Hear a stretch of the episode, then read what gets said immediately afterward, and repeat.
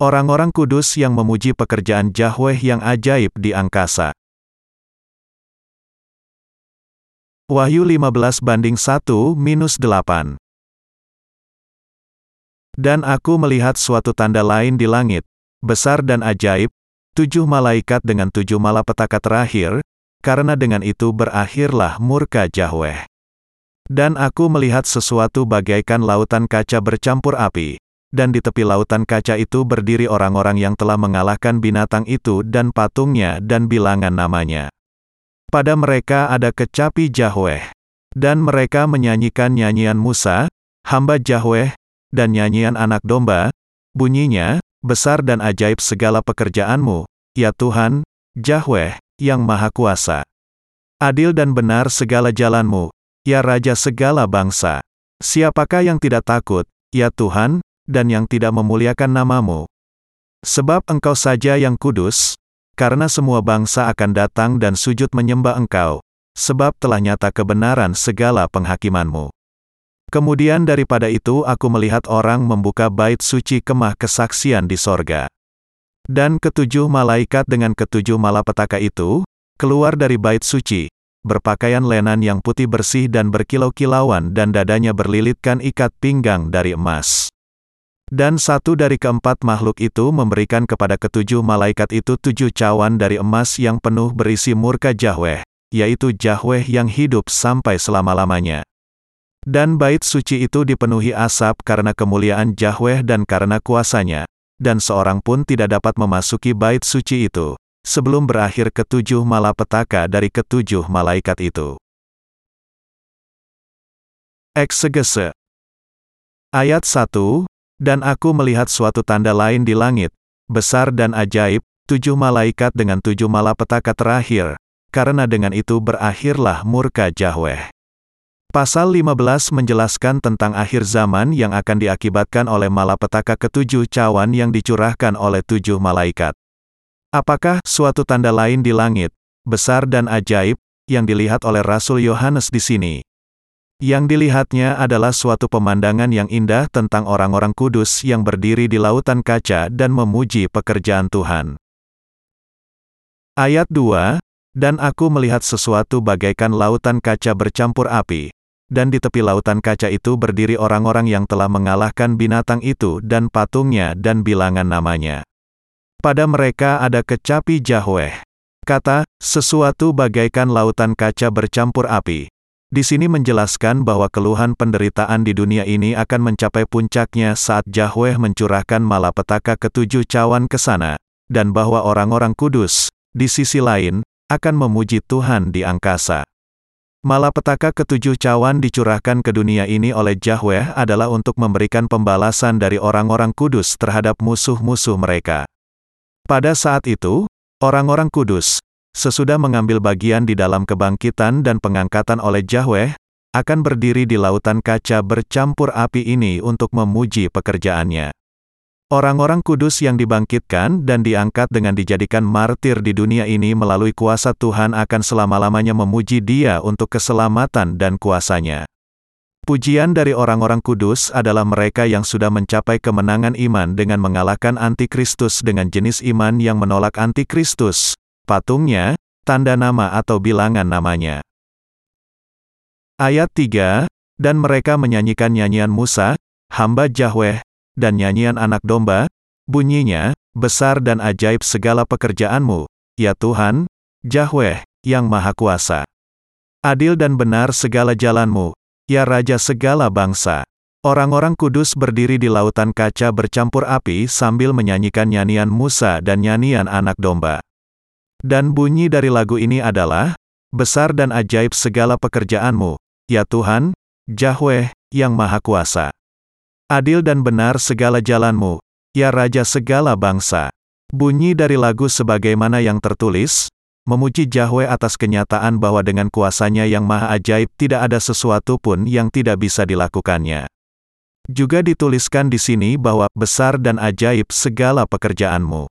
Kata ajaib di sini berarti sesuatu yang sangat besar dan tidak bisa diungkapkan dengan kata-kata. Dengan kata lain, begitu besar dan ajaib bahwa Yahweh sudah menyelamatkan, melalui Injil air dan roh, semua orang kudus baik dari masa perjanjian lama maupun perjanjian baru dari dosa-dosa mereka, membuat mereka tidak berdosa, dan membuat orang-orang kudus ini, yang sudah diselamatkan melalui iman mereka, untuk memuji Yahweh di angkasa dengan membangkitkan mereka dari kematian daging dan mengangkat mereka ke angkasa. Orang-orang kudus ini memuji Tuhan Yahweh yang sudah menjadi juru selamat, Tuhan mereka dan yang Maha Kuasa. Apakah Anda sungguh-sungguh percaya bahwa Tuhan Yahweh sudah menciptakan seluruh alam semesta dan segala yang ada di dalamnya, termasuk Anda dan saya, dan bahwa Ia memang adalah Tuhan kita? Hanya orang yang percaya kepada kebenaran ini bisa menjadi percaya kepada Injil air dan roh yang diberikan oleh Tuhan. Mereka yang memiliki iman ini adalah orang-orang yang memiliki iman yang paling benar. Orang-orang Kristen harus menyadari dan percaya bahwa Yesua adalah pencipta yang menciptakan alam semesta dan segala yang ada di dalamnya. Dan mereka harus memuji dan menyembah Tuhan Yahweh dengan memahami dan percaya kepada pekerjaannya. Besar dan ajaib segala pekerjaanmu, ya Tuhan, Yahweh, yang Maha Kuasa. Pujian iman ini menunjukkan iman yang benar dari orang-orang kudus yang sungguh-sungguh dilahirkan kembali yang menyanyikan nyanyian Musa dan nyanyian anak domba. Apakah Anda percaya bahwa Tuhan Yahshua adalah Yahweh yang Maha Kuasa? Orang-orang yang percaya bahwa Yahshua adalah Yahweh sendiri yang menciptakan seluruh alam semesta juga percaya bahwa Tuhan datang ke dunia ini dalam rupa manusia. Bahwa pada usia 30 tahun ia dibaptiskan oleh Yohanes untuk menanggung segala dosa semua manusia sekaligus. Dan bahwa ia mencurahkan darah dan mati di kayu salib serta bangkit kembali dari kematian. Melalui iman mereka menerima pengampunan dosa dan menjadi orang-orang kudus. Orang-orang yang mengenal kebenaran ini, dan memiliki iman yang benar terhadapnya, memang bisa disebut sebagai orang-orang dengan iman yang besar. Bagian di sini mengatakan bahwa orang-orang kudus memuji Yahweh di angkasa, dengan mengatakan, Besar dan ajaib segala pekerjaanmu, ya Tuhan, Yahweh, yang Maha Kuasa. Mereka memuji Tuhan Yahweh, dengan kata lain, yang menciptakan alam semesta dan semua manusia, yang menyelamatkan orang berdosa di dunia ini dengan menghapuskan segala dosa mereka sekaligus dengan baptisan yang Tuhan terima dari Yohanes, dan yang memberikan kepada mereka hak untuk menjadi anak-anak Yahweh, semuanya melalui Injil air dan roh yang diberikan oleh Tuhan. Orang-orang kudus kemudian bisa mengambil bagian di dalam kemartiran mereka bagi Kristus. Kebangkitan dan pengangkatan mereka, semua ini adalah berkat yang dicurahkan oleh Yahweh. Semua orang kudus harus memberikan kepada Yahweh semua pujian yang menyatakan segala kemuliaannya bagi segala pekerjaan yang Tuhan lakukan bagi orang-orang berdosa, yaitu, untuk membuat segala dosa dihapuskan, sebagaimana semua pekerjaan lain yang dilakukannya ketika ada di dunia ini. Orang-orang kudus menyanyikan nyanyian Musa dan nyanyian anak domba di angkasa. Mereka memuji Tuhan dengan menyanyikan betapa besar dan ajaib apa yang sudah dilakukan Tuhan Yahweh yang Maha Kuasa bagi orang-orang berdosa dan musuh-musuhnya. Memang, apa yang dilakukan Tuhan bagi orang-orang kudus dan orang-orang yang melawan Dia bukan hanya besar bagi kita, tetapi juga ajaib. Tujuan Yahweh di dalam menciptakan dunia ini adalah untuk membuat semua manusia menjadi umatnya. Dengan demikian, semua pekerjaan yang sudah dilakukannya bagi manusia nyata benar bagi kita sebagai besar dan ajaib. Kita memberikan kemuliaan kepada Yahweh dengan percaya kepada semua yang sudah dilakukannya bagi kita, dan kita memuji Dia dengan percaya kepada semua pekerjaannya. Bahwa Yahweh menciptakan manusia serupa dengan gambarnya adalah juga ajaib.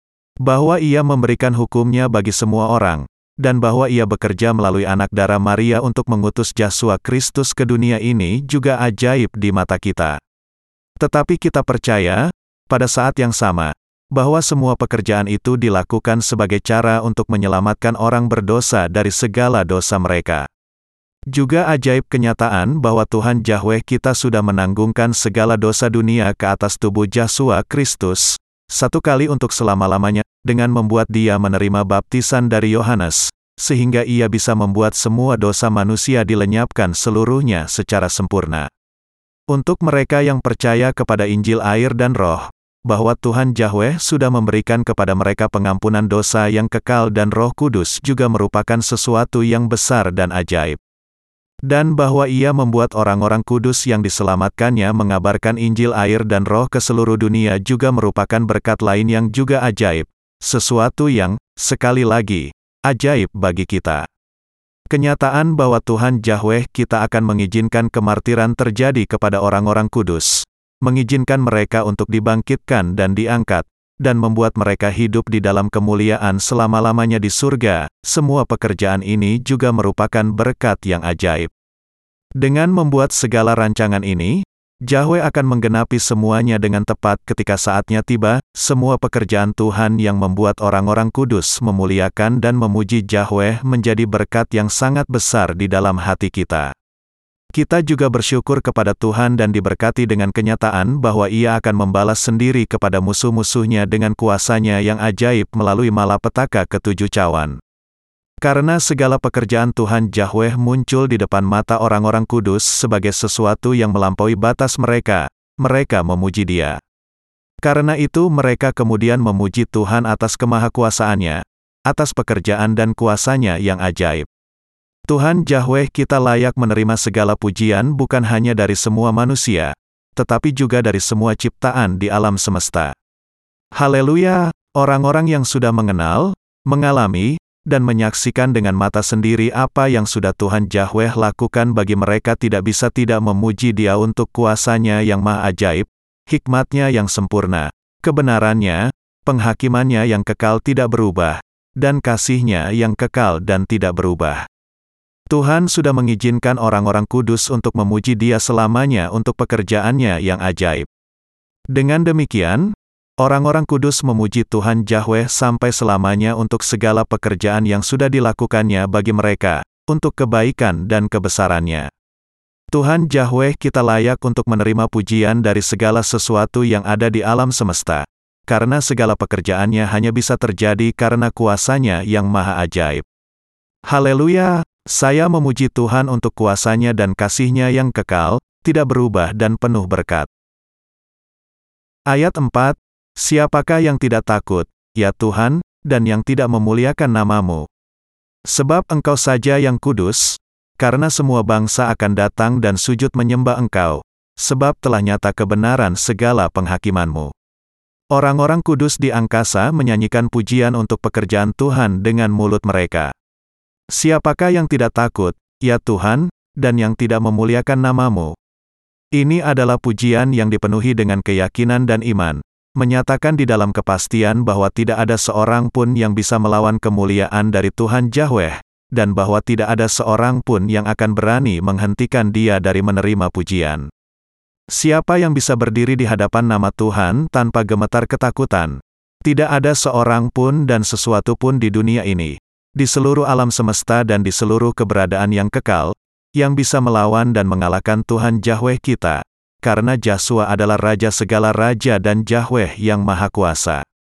Segala sesuatu yang ada di dunia ini dan orang-orang kudus tidak bisa tidak gemetar di hadapan nama Yahshua Kristus, kuasa yang maha ajaib dari Tuhan Yahweh, dan kebenarannya. Karena kuasa Tuhan Yahweh besar tanpa batas, dan karena ia adalah adil dan sempurna, semua ciptaan memberikan ucapan syukur, kemuliaan dan pujian di depan namanya. Semua manusia harus memiliki hati yang takut kepada Yahweh. Dan segala sesuatu yang ada di alam semesta ini harus memuji nama Tuhan.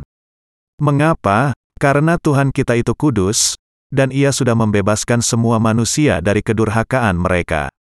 Karena malapetaka ketujuh cawan yang akan Tuhan curahkan kepada antikristus, pengikut-pengikut dan orang-orang yang mengakui beragama yang hidup di dunia ini akan menyatakan kebenarannya, kita tidak bisa tidak muji dia. Karena kebenaran keadilan Yahweh dinyatakan melalui malapetaka ketujuh cawan yang besar, Tuhan Yahweh kita layak untuk menerima kemuliaan, pujian dan penyembahan dari semua makhluk yang hidup, malaikat, dan orang-orang kudus di angkasa. Siapa yang bisa berani tidak takut kepada nama Tuhan Yesus Kristus? Tuhan kita bukanlah ciptaan, tetapi Tuhan Yahweh yang Maha Kuasa. Dengan mencurahkan malapetaka ketujuh cawan yang mengerikan kepada semua yang melawan dia, Tuhan Yahweh menjadikan tidak terhindarkan bahwa segala ciptaannya akan memuji dia di hadapan kebesaran dan kuasanya. Karena semua bangsa akan datang dan sujud menyembah engkau, sebab telah nyata kebenaran segala penghakimanmu. Kita harus menyadari, karena itu, bahwa tidak ada seorang pun yang bisa melawan dan menghujat nama Tuhan yang bisa hidup dengan bahagia. Hanya dengan bersujud di depan nama Tuhan, dan percaya kepadanya, bersyukur dan memuji dia atas kehebatannya, kemahakuasaannya, belas kasihannya, dan keselamatannya yang besar serta kasihnya adalah jenis penyembahan yang layak bagi namanya. Semua ciptaan karena itu harus percaya kepada apa yang sudah Tuhan lakukan ketika ada di dunia ini, dan memuji serta menyembah Dia. Tuhan kita layak menerima pujian dari semua manusia dan semua bangsa. Amin. Haleluya. Ayat 5, Kemudian daripada itu aku melihat orang membuka bait suci kemah kesaksian di sorga. Ayat ini menjelaskan bahwa ketika malapetaka ketujuh cawan yang akan dicurahkan Tuhan Yahweh ke dunia ini berakhir, Yahweh akan memberikan kepada orang-orang kudusnya rumah di surga. Semuanya ini akan digenapi oleh Tuhan Yahweh. Apakah kemah kesaksian itu? Itu adalah rumah Yahweh yang seperti kemah di bumi ini. Kata, kemudian daripada itu aku melihat orang membuka bait suci kemah kesaksian. Berarti bahwa masa kerajaan Tuhan Yahweh akan terbuka sejak saat itu. Dengan dibukanya pintu kemah kesaksian, malapetaka yang terakhir dan kemudian kerajaan Tuhan Yahweh akan dihadirkan di dunia ini. Tanpa memahami Injil air dan roh, tidak akan ada iman yang diakui di hadapan Yahweh. Dengan demikian, kita harus memahami dan percaya kepada Injil kebenaran ini, dan menyadari serta percaya juga bahwa masa bagi kita untuk pergi dan hidup di dalam kerajaan Kristus sekarang semakin mendekati kita. S. Ayat 6, dan ketujuh malaikat dengan ketujuh malapetaka itu, keluar dari bait suci, berpakaian lenan yang putih bersih dan berkilau-kilauan dan dadanya berlilitkan ikat pinggang dari emas. Firman ini menunjukkan kepada kita bahwa ketika Yahweh mencurahkan malapetaka ketujuh cawan ke dunia ini, ia akan bekerja melalui para malaikat yang percaya kepada penghakiman yang memang diperlukan dan bahkan keadilan dari ketujuh malapetaka itu. Hal itu menjelaskan dengan kata lain, bahwa para hamba Yahweh bisa memenuhi syarat untuk melayani dia sebagai hamba-hambanya hanya kalau mereka senantiasa percaya kepada kebenarannya dan menempatkan kepercayaan mereka yang penuh kepada kebaikannya. Hanya ketika mereka percaya bahwa pekerjaan Tuhan itu selalu benar, para hamba Yahweh bisa melakukan pekerjaan yang demikian bagi Tuhan. Orang-orang kudus dengan itu bisa dipakai sebagai hamba Yahweh yang berharga hanya kalau mereka senantiasa mengenakan kebenaran Tuhan, meletakkan pengharapan keselamatan sebagai ketopong, dan menghidupi kehidupan yang mempermuliakan nama Tuhan. Ayat 7, dan satu dari keempat makhluk itu memberikan kepada ketujuh malaikat itu tujuh cawan dari emas yang penuh berisi murka Yahweh, yaitu Yahweh yang hidup sampai selama-lamanya. Ini menjelaskan bahwa ketika Yahweh bekerja melalui para hambanya, ia akan membuat mereka bekerja dalam pola yang teratur, dan bahwa pekerjaan yang demikian juga digenapi dalam urutan yang baik. Perkataan, satu dari keempat makhluk, di sini menunjukkan bahwa Tuhan memiliki hamba-hambanya yang berharga yang ditempatkan untuk tujuannya, dan bahwa ia bekerja melalui mereka. Keempat makhluk hidup yang muncul di sini adalah empat hamba Tuhan yang paling berharga yang selalu berdiri di dekatnya, dan yang pertama melakukan tujuannya. Kita harus menyadari kehebatan Yahweh dan kemahakuasaannya, dan kita juga harus percaya bahwa ia bekerja melalui hamba-hambanya. Ayat 8, dan bait suci itu dipenuhi asap karena kemuliaan Yahweh dan karena kuasanya, dan seorang pun tidak dapat memasuki bait suci itu, sebelum berakhir ketujuh malapetaka dari ketujuh malaikat itu. Sebelum Tuhan Yahweh menyelesaikan penghukumannya di dunia ini, tidak seorang pun bisa masuk ke dalam kerajaannya. Ini menjelaskan betapa sempurnanya kekudusan Yahweh itu. Ini juga menjelaskan bahwa ia bukanlah Yahweh yang menyukai kejahatan, Mazmur 5 banding 4. Karena itu kita harus mengingat bahwa kalau seseorang mau masuk ke dalam kerajaan Yahweh, ia harus percaya kepada Injil air dan roh yang sudah diberikan Tuhan kepada manusia. Tuhan Yahweh kita mengizinkan hanya mereka yang percaya kepada Injil air dan roh untuk masuk ke dalam kerajaannya. Kepada orang-orang kudus yang sudah menerima pengampunan dosa, Yahweh memberikan berkat kehidupan kekal di dalam kerajaannya setelah membinasakan musuh-musuhnya dengan mencurahkan malapetaka ketujuh cawan. Semua pekerjaan Yahweh mencapai jauh melebihi pikiran manusia, menyatakan kebesaran dan kehebatannya. Dengan menghakimi musuh-musuhnya, Yahweh menunjukkan kemahakuasaannya. Kalau Yahweh tidak memiliki kuasa untuk menghukum musuh-musuhnya atas dosa-dosa mereka yang melawan dia, ia tidak akan bisa menerima pujian dari semuanya. Tetapi karena Yahweh memiliki lebih dari cukup kuasa untuk menghukum mereka yang berdiri melawan dia, Tuhan Yahweh akan menjatuhkan penghukumannya atas musuh-musuhnya dan mengutuk mereka dengan penghukuman kekal di dalam neraka. Tuhan Yahweh kita lebih dari layak untuk menerima pujian selamanya dari semua manusia dari segala bangsa. Yahweh kemudian akan menggenapi penghukumannya atas musuh-musuhnya karena segala dosa mereka dan kemudian membuka kerajaannya. Amun. Kita bersyukur kepada Tuhan Yahweh untuk kuasanya yang besar, kemuliaannya dan kekudusannya. Haleluya,